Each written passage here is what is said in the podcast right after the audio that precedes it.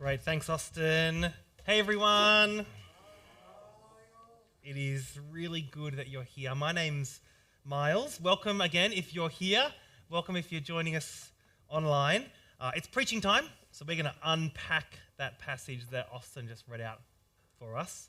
Uh, so, with that in mind, let's pray together. Heavenly Father, your word to us is life giving and life changing. And we ask that today, as we spend time in it, that it would impact us in that way.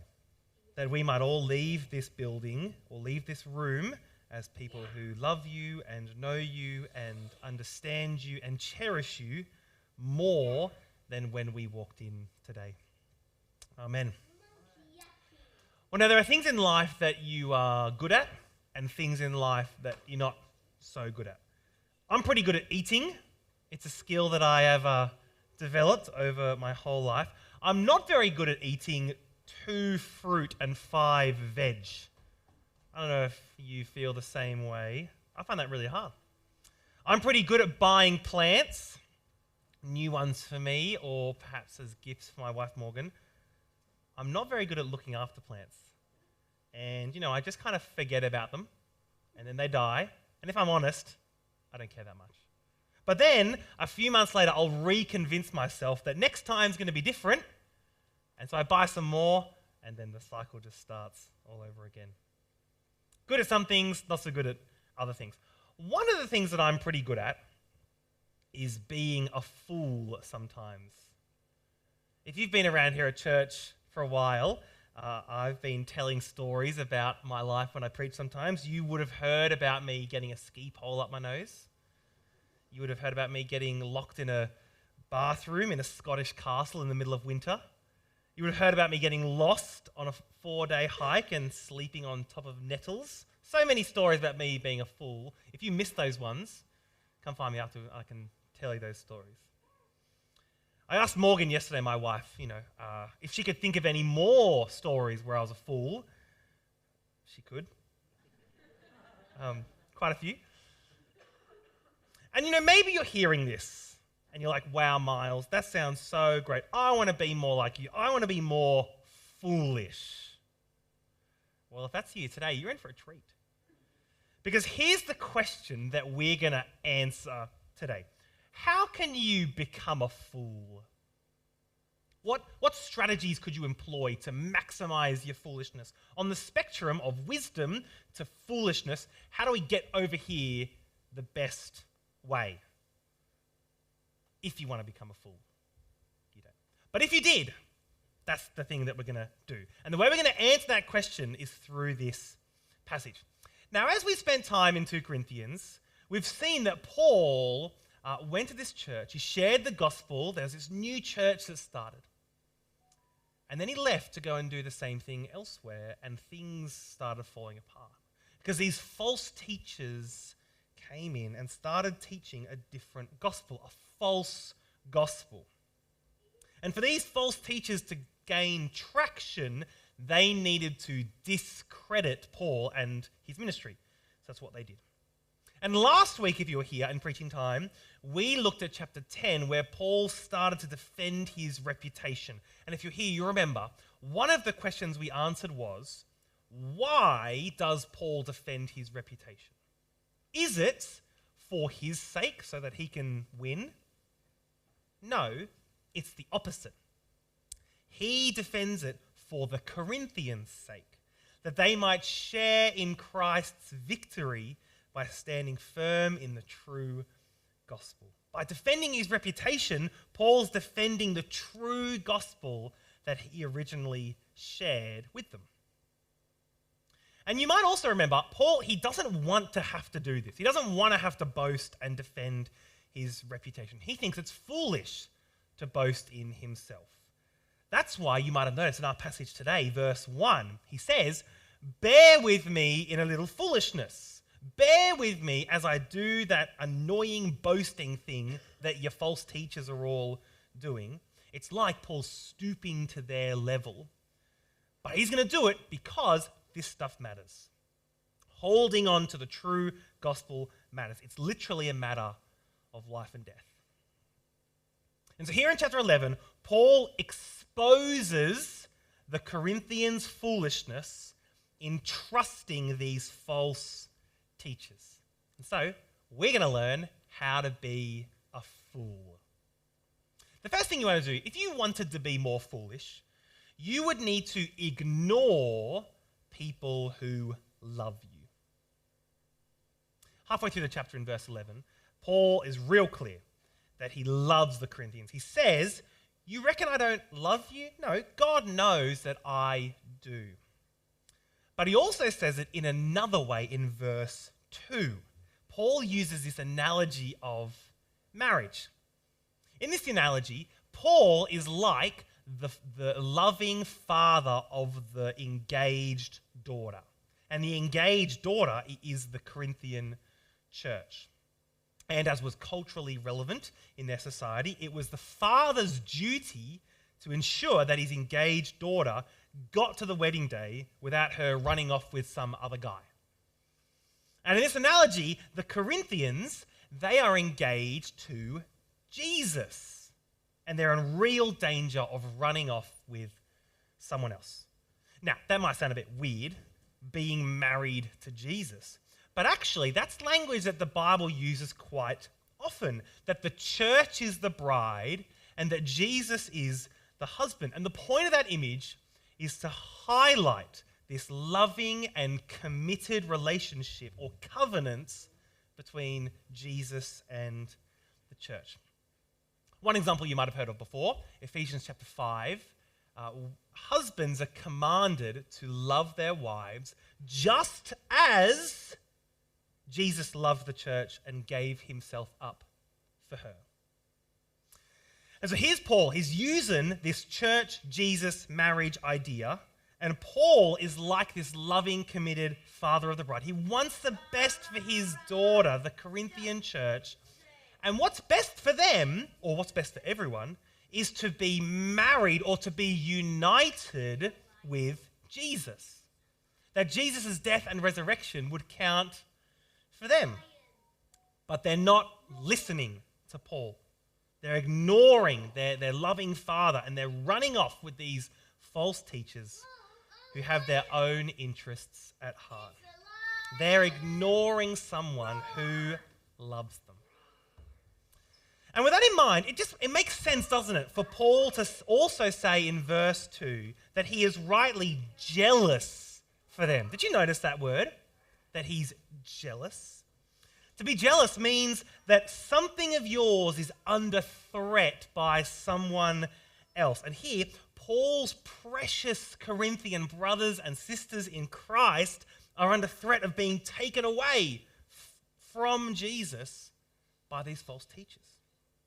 And so he desperately wants them to come back. He yearns for them to ditch these false teachers.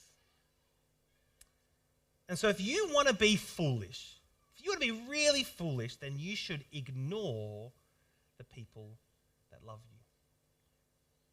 We'll come back to what that might actually look like, look like later. Second strategy to become foolish don't treasure the truth of the gospel. Instead, just be content with lies. If you want to be a fool, just do that. You can see what that looks like in verses 3 to 4. I'll read these out again. But I'm afraid that just as Eve was deceived by the serpent's cunning, your minds may somehow be led astray from your sincere and pure devotion to Christ. For if someone comes to you and preaches a Jesus other than the Jesus we preached, or if you receive a different spirit from the spirit you received, or a different gospel from the one you accepted, you put up with it easily enough. In Genesis chapter 3, in the Garden of Eden, Eve was deceived by Satan. And she and Adam ate the apple that they weren't supposed to, that God commanded them not to. They believed Satan's lies and were led astray. And Paul's like, that's what's going on here in the church. And that then sets up, I think, one of Paul's most brutal verses in this whole letter. Verse 4. He starts by being brutal to the Corinthians. He says, If someone comes to you and preaches anything different, you just put up with it easily enough. You know, you're weak. Your minds are frail, you get tossed around by the wind. Anything else that comes your way, and you just accept it. But it gets even more brutal because by equating all of this to Genesis chapter 3, the Corinthians are like Eve, right? They've been deceived. So who, who is like Satan? Well, it's the false teachers. Because, like Satan, they have deceived the Corinthians and drawn them away from the truth. And Paul says that much more explicitly in verses 12 to 15. And so, what do you think about that? Is that fair to equate these false teachers with Satan? Do you reckon Paul's gone a bit too far with that? Well, what, what is Satan's strategy? What's his weapon? What's lies? Jesus calls him the father of lies. But not always big fancy lies. Like it's not always God isn't real. Sometimes Satan is gentle and crafty and clever, and he tells lies that deviate from the truth just a little bit. Like in the Garden of Eden. What does Satan say to Eve? Does he say, Oh, no, no, no, God's wrong. You shouldn't listen to him. Listen to me. I'm the best. That's not what Satan says, does he? He says, Hang on, Eve. Did God, did God really say that? Just double check.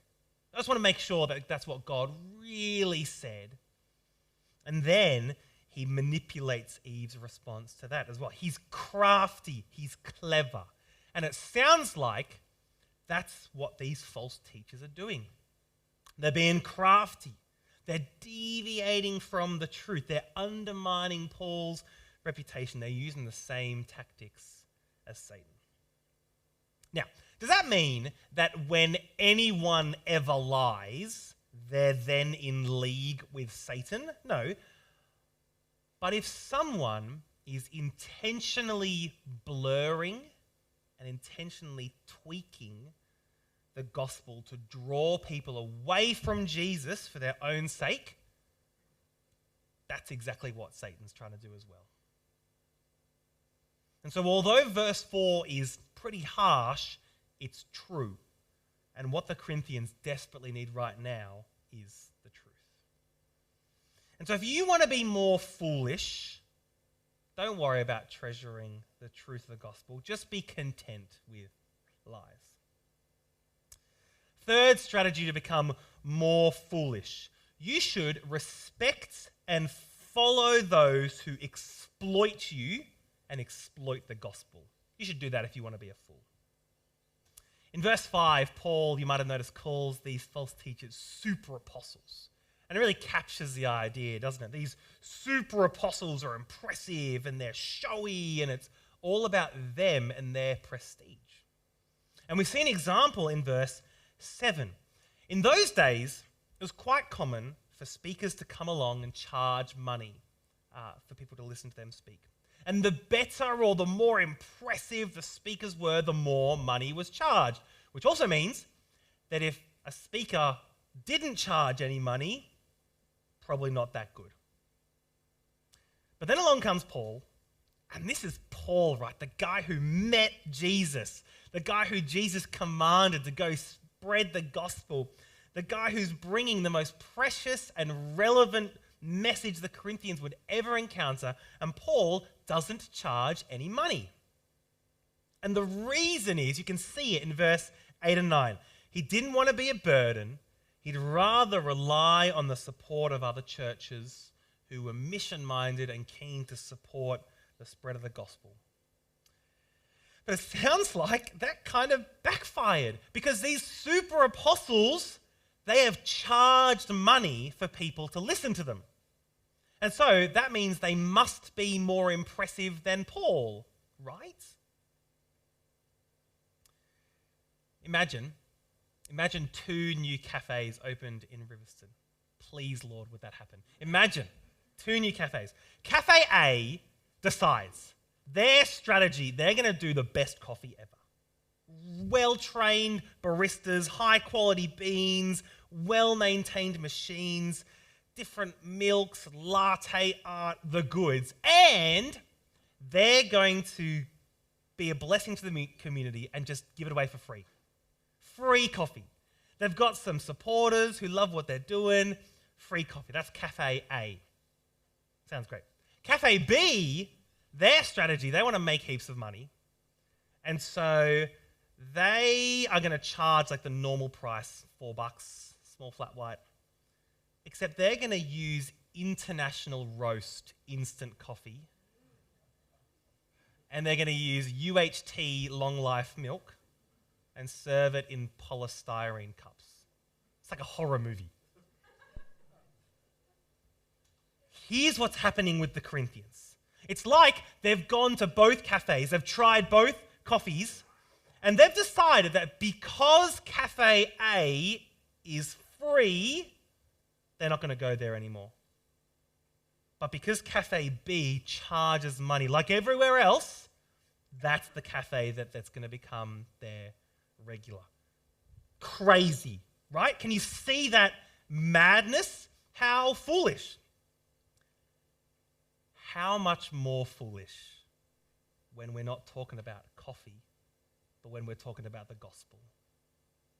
When we're talking about the good news of Jesus Christ, death and resurrection that brings life and salvation to anyone who would follow him, how much more foolish are the Corinthians who are giving up the true gospel for some international roast, dirt, false gospel? You see, it's crazy. The Corinthians have decided to follow and respect these super apostles who are just out to exploit them because that's just the normal thing that happens. And so, if you want to grow in your foolishness, if you want to be more of a fool, you should respect and follow those who exploit you and the gospel. And so, there you have it. You want to be a fool? You want to grow in your foolishness? There are the steps you can take. You can ignore those who love you. Don't treasure the truth of the gospel. Make sure you follow someone who exploits you. Maybe, though, just maybe, maybe you don't want to be a fool. Maybe instead of moving down the spectrum to, to foolishness, you want to go the other way. You want to go towards wisdom, to gospel shaped wisdom. How would you do that? Well, surely you would just do the opposite of everything that we've just said, wouldn't you? And what would the opposite of each one then look like?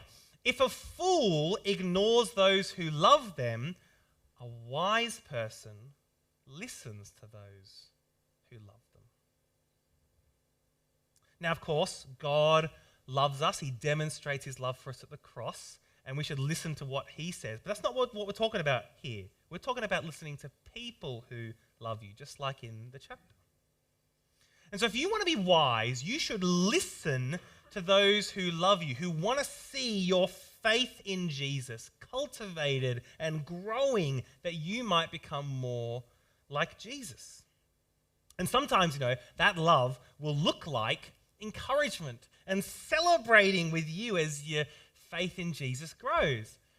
Sometimes that love will look like raising questions or thoughts or ideas as you as you navigate how to follow Jesus in all the complexities of life. And sometimes that love might even look like Paul's love for the Corinthians, confronting them about their departure from the truth and bringing them back at any cost. Sometimes that love is rescuing us from rock bottom. You know, we're drinking international roast and we're in dire need of salvation. I'll, I'll help you out with that one. But that's the kind of love that we're looking for, the kind of love that we need if we want to be wise. And so, where might you find it? Where would you find this love? Where do you find that person or those people who will love us in that way and who we can listen to? Some of us are very blessed and already have that person in our lives, but not all of us would. And so, where do we find those people? You're already in the right place. Right here at church. You know, there's a famous passage in 1 Corinthians that said at all the weddings. You've probably heard it. You know, love is patient. Love is kind, keeps no record of wrong, and love protects, love never fails, so on. It's all about love. Do you know what that passage is about? It's not about weddings, it's about church.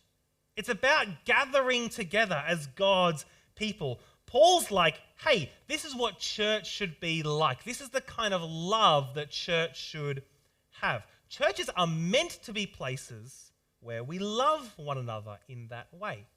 Like, I love you.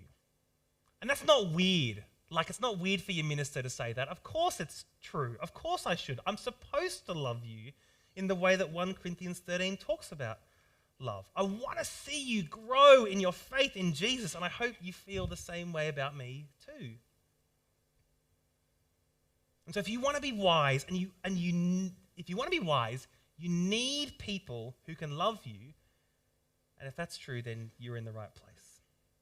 Church is a place to find those people. Life groups are an even better place to find those people, meeting in smaller groups. And of course, as you are loved and as you listen to your brothers and sisters in Christ, it's right for you to then reciprocate that and to love them back and to speak wisdom into their lives. Wouldn't it be great? Wouldn't it be so good if our church was filled with people who loved one another in this way, who wanted to see each other grow in faith, and who spoke wisdom into each other's lives, and who were humble enough to listen to that wisdom from others? If that happened, we would be a very wise church indeed. Now, having said that, just notice I picked my words very carefully. I didn't say that you should obey people who love you without question. No, no. You should listen to those who love you. And that's just worth emphasizing because no one gets this right all the time. Like, I love my wife, Morgan, and I don't always speak wisdom into her life. Sometimes I get it wrong. And in the same way, churches are supposed to be places filled with people who love one another, but churches don't always get it right. Church leaders don't always get it right. But if you want to be wise, you should listen to those who love you, and you're in the right place. Second one, much shorter. A fool settles for lies about the gospel, but a wise person treasures the truth of the gospel.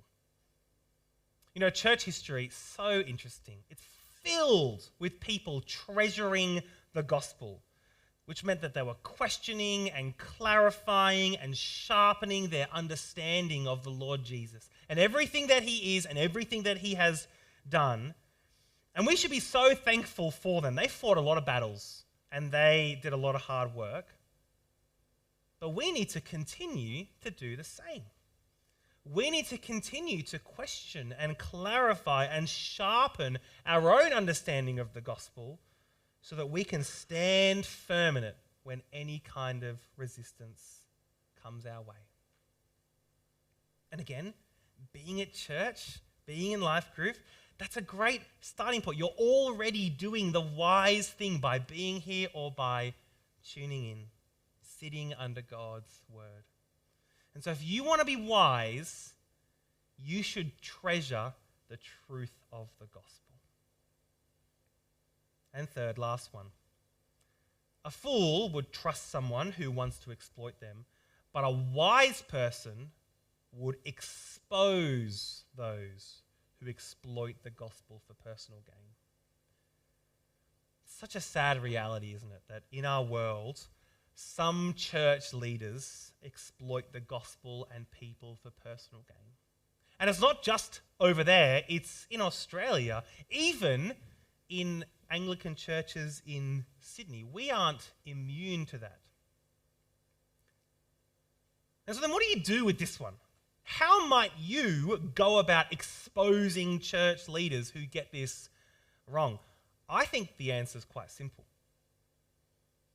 If you ever suspect that myself or Dan or Andrew or Melissa or any church leader is exploiting the gospel or exploiting people for personal gain, then we need you to love us and speak that wisdom into our lives. Or speak that wisdom into the appropriate person's lives. Because our church, like, it cannot be a place that is about miles or four miles. No, our church is a place about Jesus. Everything we do needs to be about Jesus. Our church needs to be a place about connecting people with Jesus and, and cultivating each other's faith in Jesus and celebrating our faith in Jesus together. And so if you notice that something's not happening, then you need to love us and speak that wisdom into our lives. It's really easy to be a fool, isn't it? But we don't want to be fools.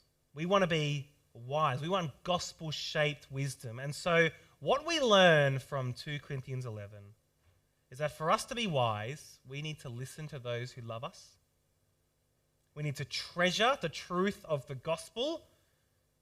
And we need to expose those who are exploiting the gospel for personal gain. Let's pray together. Heavenly Father, 2 Corinthians is such a rich letter. There's so much to learn and consider. And we pray that as we finish up and leave this place, that you would work in our hearts and our minds and our memories, that we would remember what your word says about how to be wise, and that, that we would respond and do it. Help us, Father, to be a church that loves and listens to one another. Help us to be a church that treasures your gospel. And help us to be a church that recognizes and exposes those who exploit the gospel for personal gain. Amen.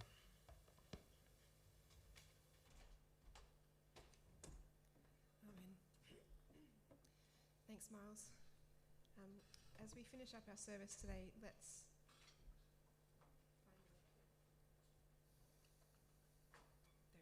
Um, let's uh, encourage each other and um, remind each other of what it is that we are believing and what the truth is of the gospel um, so that we never fall away and never fall, never be just taken away by false gospels. Let's stand and um, sing through what it is that Jesus has done for us.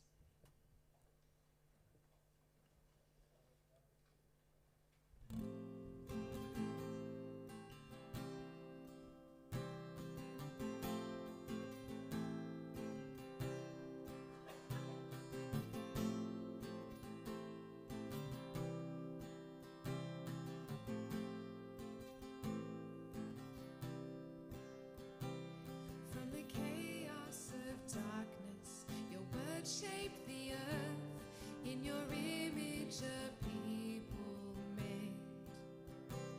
But we traded perfection the truth for a lie and your glory was veiled in shame. But a promise made a blessing you gave to a people of your name. For the